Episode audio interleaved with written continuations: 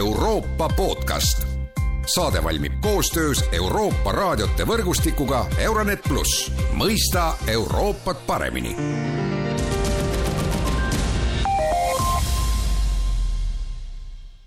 tere taas kuulama Euroopa podcasti. Moldova on viimastel päevadel näinud tavatut Vene survet. läbi riigi õhuruumi on lennanud Vene raketid ja nii Ukraina kui ka Moldova enda võimud on viidanud Moskva plaanile riigi üle kontroll saavutada.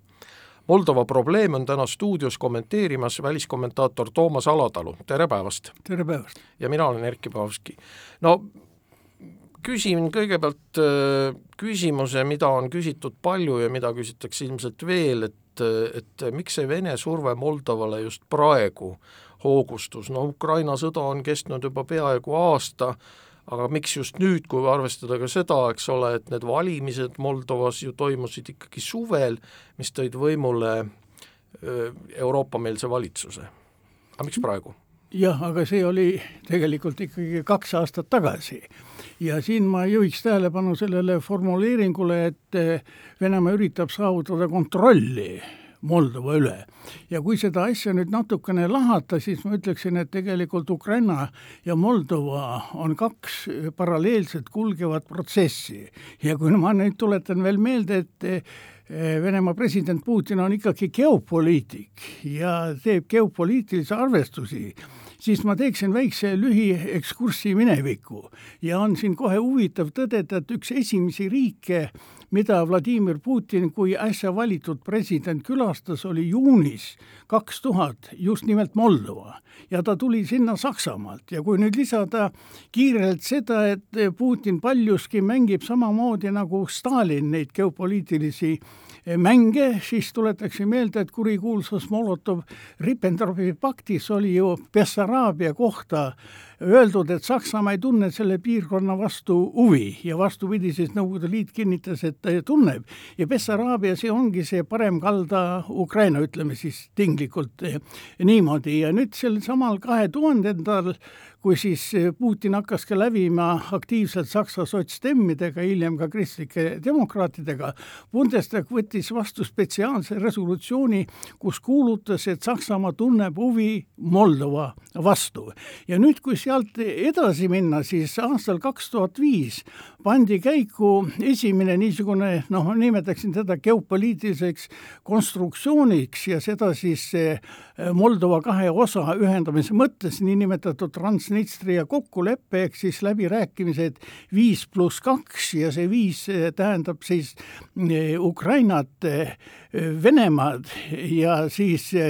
OSCE-d, seda rahvusvahelist organisatsiooni ja nendele tulid siis vaatlejatena juurde USA ja Euroopa Liit ja rõhutan tähelepanu, et tuli juurde USA ja nüüd, kui siis kaks tuhat neliteist hakkasid hargnema sündmused eh, Ukrainas ja tuli see niinimetatud Normandia eh, formaat ja siis ka Minski kokkulepped, siis selles formaadis, eks ole, Prantsusmaa, Saksamaa, Ukraina, Venemaa, Ameerika Ühendriigid puudusid. Ja asja tuum ongi siin selles, et eh, president Obama jagas ära selle Venemaa niisuguse valeliku käitumise ja loobus sellest Ukraina tehingust eh, osa võtmast, aga nüüd tagasi tulles Moldova juurde, siis oli väga tähelepanuväärne see, et selles separaatpiirkonnas, kuhu siis Venemaa jättis oma väeosad alles, eh, mida ta lubas sealt ära tuua novembris tuhat üheksasada üheksakümmend üheksa, kordan, Putin käis seal juunis kaks tuhat, need väed pidid ära ära toodama detsembriks kaks tuhat kaks,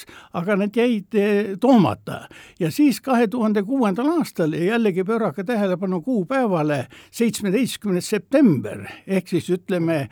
teises maailmasõjas see daatum, kus Venemaa väed või Nõukogude väed ründasid, eks ole,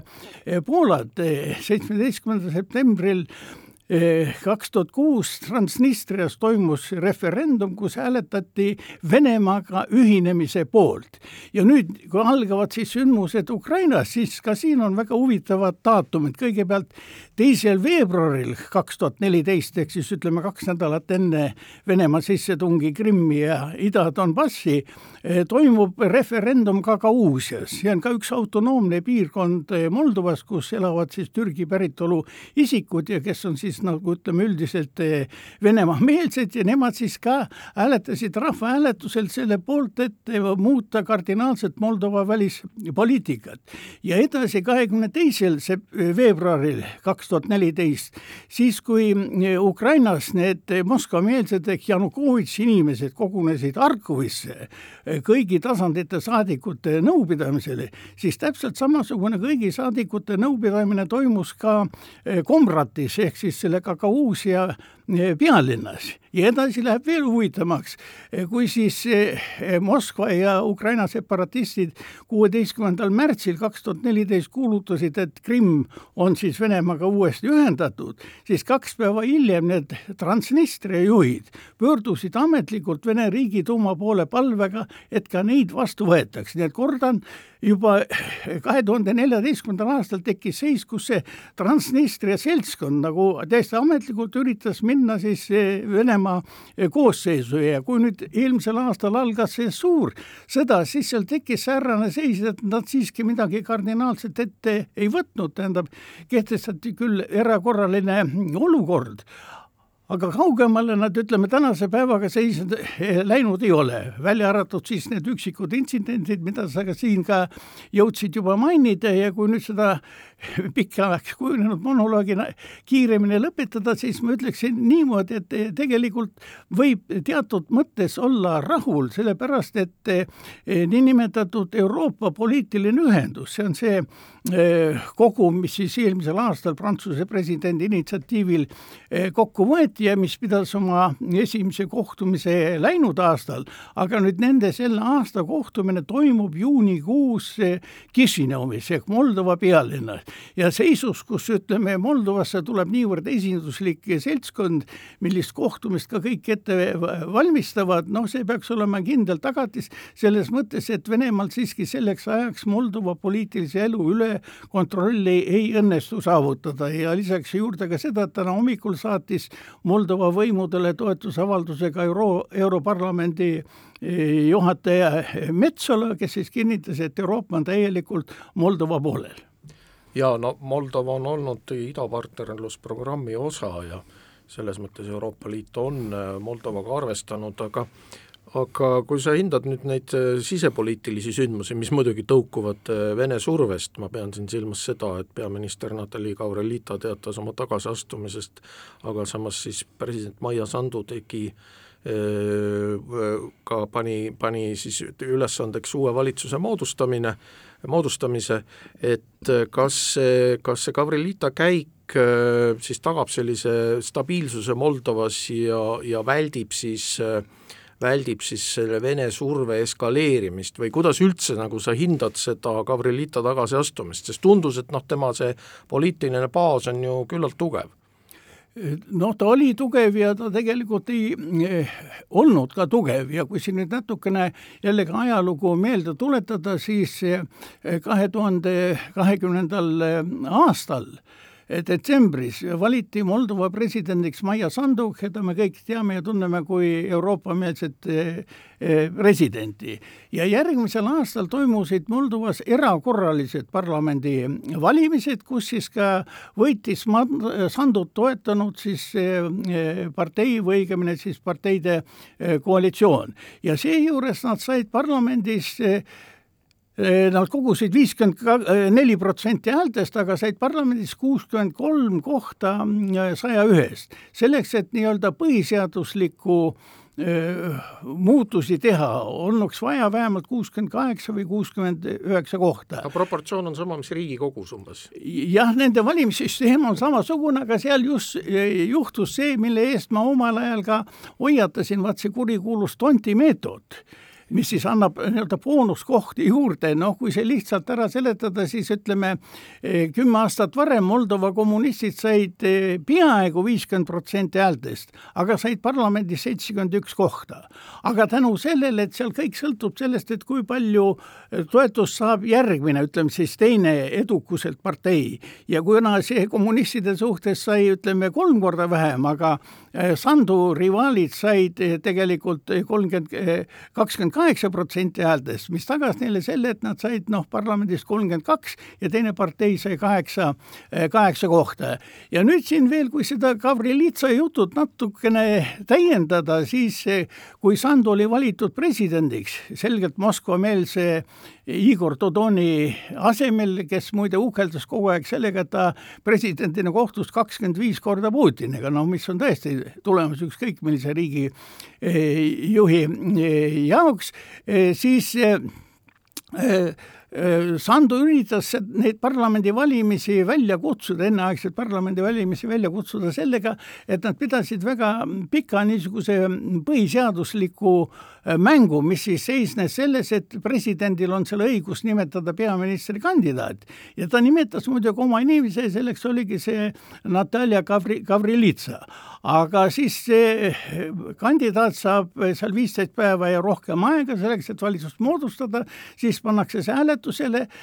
muidugi opositsioon kukutas selle läbi, sest nad kontrollivad seda paketti, kontrollisid, siis pandi Gavrilitsa teist korda hääletusele, pärast eh, mitmenädalast protseduuri kukutati jälle läbi, alles siis pandi meesterahvas, siis oli veel üks naisterahvas. ühesõnaga, ma tahan öelda seda, et tegelikult eh, eh, mis Moldo-, Moldoval ja Gavrilitsal, kui ta nüüd lõpuks augustis kaks tuhat kakskümmend üks ikkagi sai peaministriks ja moodustas valitsuse, mis tal vaja ka jäi, oli see, et ta ei suutnud noh, lubatud reforme ellu viia ja paljus tõrkus just seesama kohtuaparaat või seadus seadusandlus ja ütleks niimoodi, et noh, nagu poliitikas tihti juhtub, et kui ühed algatavad niisugused seadusandlikud mängud, siis vastasleer juba esimesel võimalusel hakkab vastu mängima. ja kui lühidalt iseloomustada olukorda Moldova parlamendis nüüd selle Gavrilitsa valitsuse ajal, siis ütleme niimoodi, et valitsus tegi väga tublisti tööd, aga opositsioon, nad lihtsalt ei tulnud kohale Nad isegi ei võtnud istungitest osa, noh, vaat see on see asi võib-olla, mida meie siin Eestis ei suudagi ette kujutada, aga täpselt sama seis on ka näiteks paljudes Balkani riikide parlamentides, kus opositsioon lihtsalt kohal ei käi ja millega ta siis tegeleb, siis kui algas see suur sõda, klassikaline näide, siis nad hakkasid ühesõnaga kaebama omaenda valitsuse peale Euroopa nendes institutsioonides, alates Europarlamendist, Euroopa Nõukogust, siis nendest inimõiguste kohtutest ja nii edasi edasi, seal on üks Moldova asi teise järel ja loomulikult Euroopa institutsioonid peavad siis sõitma koha peale ja neid asju, äh, neid asju lahendama ja ka praegu oli täiesti tüüpiline lugu, et kui siis äh, peaminister lõpuks astus tagasi ja Sandu nimetas uue ja Sandu alustas, pakkus kohe konsultatsioone opositsioonile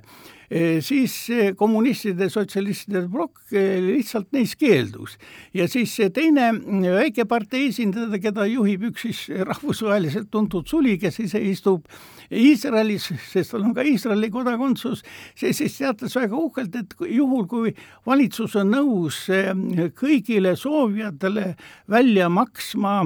detsembri, jaanuari ja veebruarikuu noh, kõrgemad, eks ole, kütte- ja elektriarved et siis me oleme nõus eh, valitsusega üldse dialoogi eh, astuma ja mis oli siinjuures veel oluline, oli see, et nad jõudsid korjata kusagilt sada viiskümmend tuhat allkirja selle nõude toetuseks. Ja laias laastus eh, võikski öelda niimoodi, et sel ajal, kui siis Gavrilitsa valitsus noh, tegi kõike selleks, et riigi olukorda parandada ja saada täiendavat finantsi ja abi ja mida ta tõepoolest ka Euroopasse, Jaapanisse, igalt poolt ka sai siis opositsioon alates septembrikuust, aga eks ole, just siis, kui lahingud ägenesid eh, Ukrainas eh, septembrikuust alates eh, iganädalased demonstratsioonid Kišinevi kesklinnas, kusjuures rahvast nendeks väljaastumiseks veeti kogu aeg kohale bussidega väiksematest linnadest ja seal oli isegi taks, nii et demonstratsioonist osavõtt oli kakskümmend eurot ja siis, kui oli ööbimisega Kišinevis, siis maksti sellele inimesele kuuskümmend eurot, kui me küsime, kust see raha võeti, siis tuletage meelde, et kümme aastat tagasi oli suur rahvusvaheline skandaal, kui kolm Moldova panka tehti praktiliselt tühjaks ja üheks selleks vargaks oligi seesama eh, Šor mees, kes nüüd siis praegu redutab eh,, redutab eh, Iisraelis ja ootab siis nii-öelda paremaid päevi. ja hetkel oli siis muidugi seis selles, et eh, nüüd eesseisval pühapäeval peab eh, toimuma seal noh, ütleme niimoodi, Moldoval õigemini selle Transnistria osal on suhteliselt hea jalgpallimeeskond ja siis on teada, et toimub niisugune suur ja tähtis jalgpallimatš sel pühapäeval. Ja siis hakkasid muidugi lennukatega kohale tulema igasugused tegelased. Ja nüüd ka täna hommikul, kui ma vaatasin Moldova uudiseid, siis seal üleeile peeti kinni siis kaksteist, nagu seal on kirjeldatud, sportlasliku välimusega meest Montenegros, kes kõik väitsid, et nemad on biomeedikud, noh, loogiline küsimus, miks peaksid biomeedikud sinna tulema ja täna hommikul saadeti välja seal viis serblast. ja iva on siin selles, et Maia Sandu, tähendab, see rida algas tegelikult sellest, et kui Zelenskõi esines siis nüüd Euroopa Parlamendi ees, siis ta muuhulgas juhtiski tähelepanu sellele, et Ukraina noh, luureorganid on kätte saanud venelaste plaani korraldada rahutusi ja võtta siis ütleme, tekitada segadusi, võtta nii-öelda kontroll riigi Moldovas üle. ja Maia Sandu siis seda refereeris, refereeris ta seda küll alles esmaspäeval, aga ikkagi ja nüüd siis tekkis see suur niisugune rahvusvaheline asiotaaž selle üle, et noh, et mis nüüd Moldovast saab ja kuivõrd tõsised on ikkagi need eh, venelaste plaanid eh, Moldova suhtes. ja kui seda asja nüüd eh, noh, natukene ette kujutada, ma juba jõudsin mainida, et seal tegelikult toimuvad iganädalased demonstratsioonid. ja noh, loogiliselt võis oodata, et kuna nüüd Ukrainas jällegi läheb olukord pingeliseks, on vaja nii-öelda tagalat nende sündmuste jaoks tugevdada, siis seekordne väljaastumine saab olema suurem kui võib-olla need seni, seni kavandatud. aga kuna seal eh, kogu see protsess on siiani mõlemalt poolt toimunud siiski ütleme niisugusel legaalsel baasil, tähendab, eh, kasutades siis eh, võimuorganeid ja ütleks siin, et praegusele võimule suurimaks takistuseks on just olnud võimetus viia seda juriidilist kohtureformi lõpuni. Nad ei suuda lihtsalt, ütleme,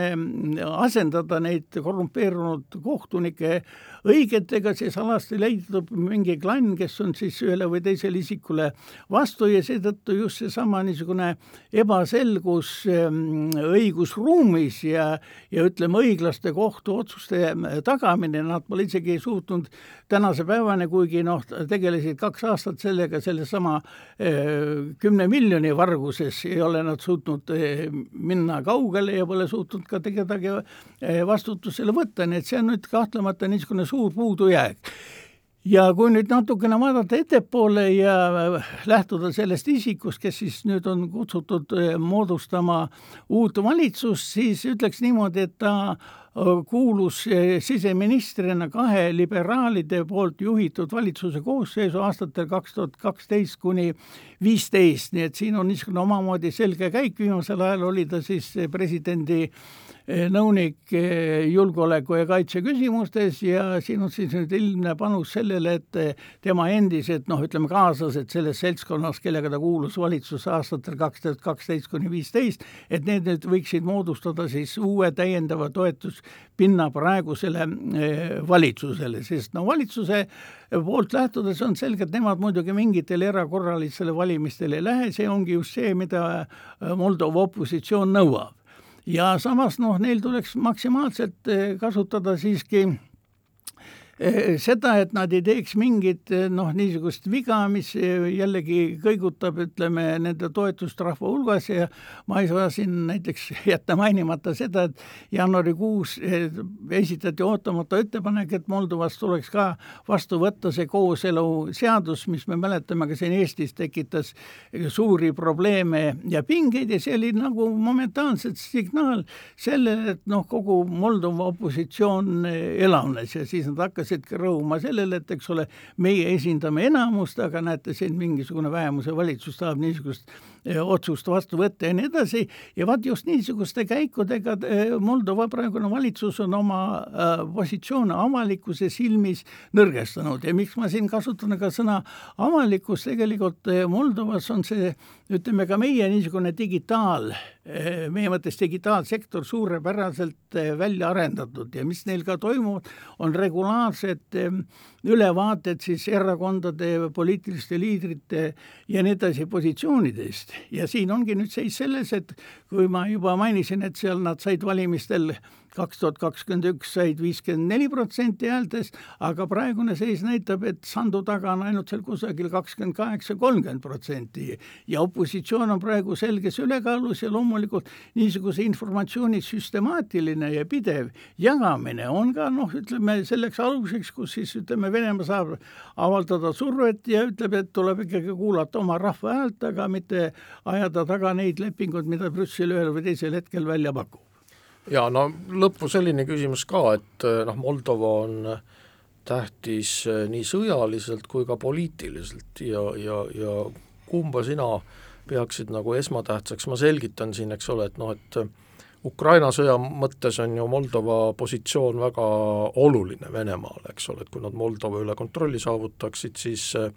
noh, ütleme nagu Valgevene üle, siis on ju selge, et sealt saaks ka Ukrainat rünnata. teine asi on see poliitika, eks ole, et kui me võtame siin selle juurde veel need äh, riigid, kes ei ole võib-olla nii palju enam tahtnud Moskva lõa otsas olla, nagu näiteks Armeenia või Kasahstan, siis äh, on ju päevaselge, et võib-olla Moskva soovib seda puudujääki siis kompenseerida Moldovas, et kumba sina, kumba aspekti sina peaksid olulisemaks? No kuna Moldova on käinud kogu aeg paralleelselt Ukrainaga, ma alustasin Putiniga ja siin lõpuosas jõudsin ära mainida ka Zelenski, et et see, et Zelenski isegi Euroopa Parlamendile räägib lisaks Ukraina probleemide Moldova probleemist, vaat see näitab ka selgelt, et noh, Zelenski teab suurepäraselt, mis moodustab tema tagala ja miks ta peab ka seda probleemi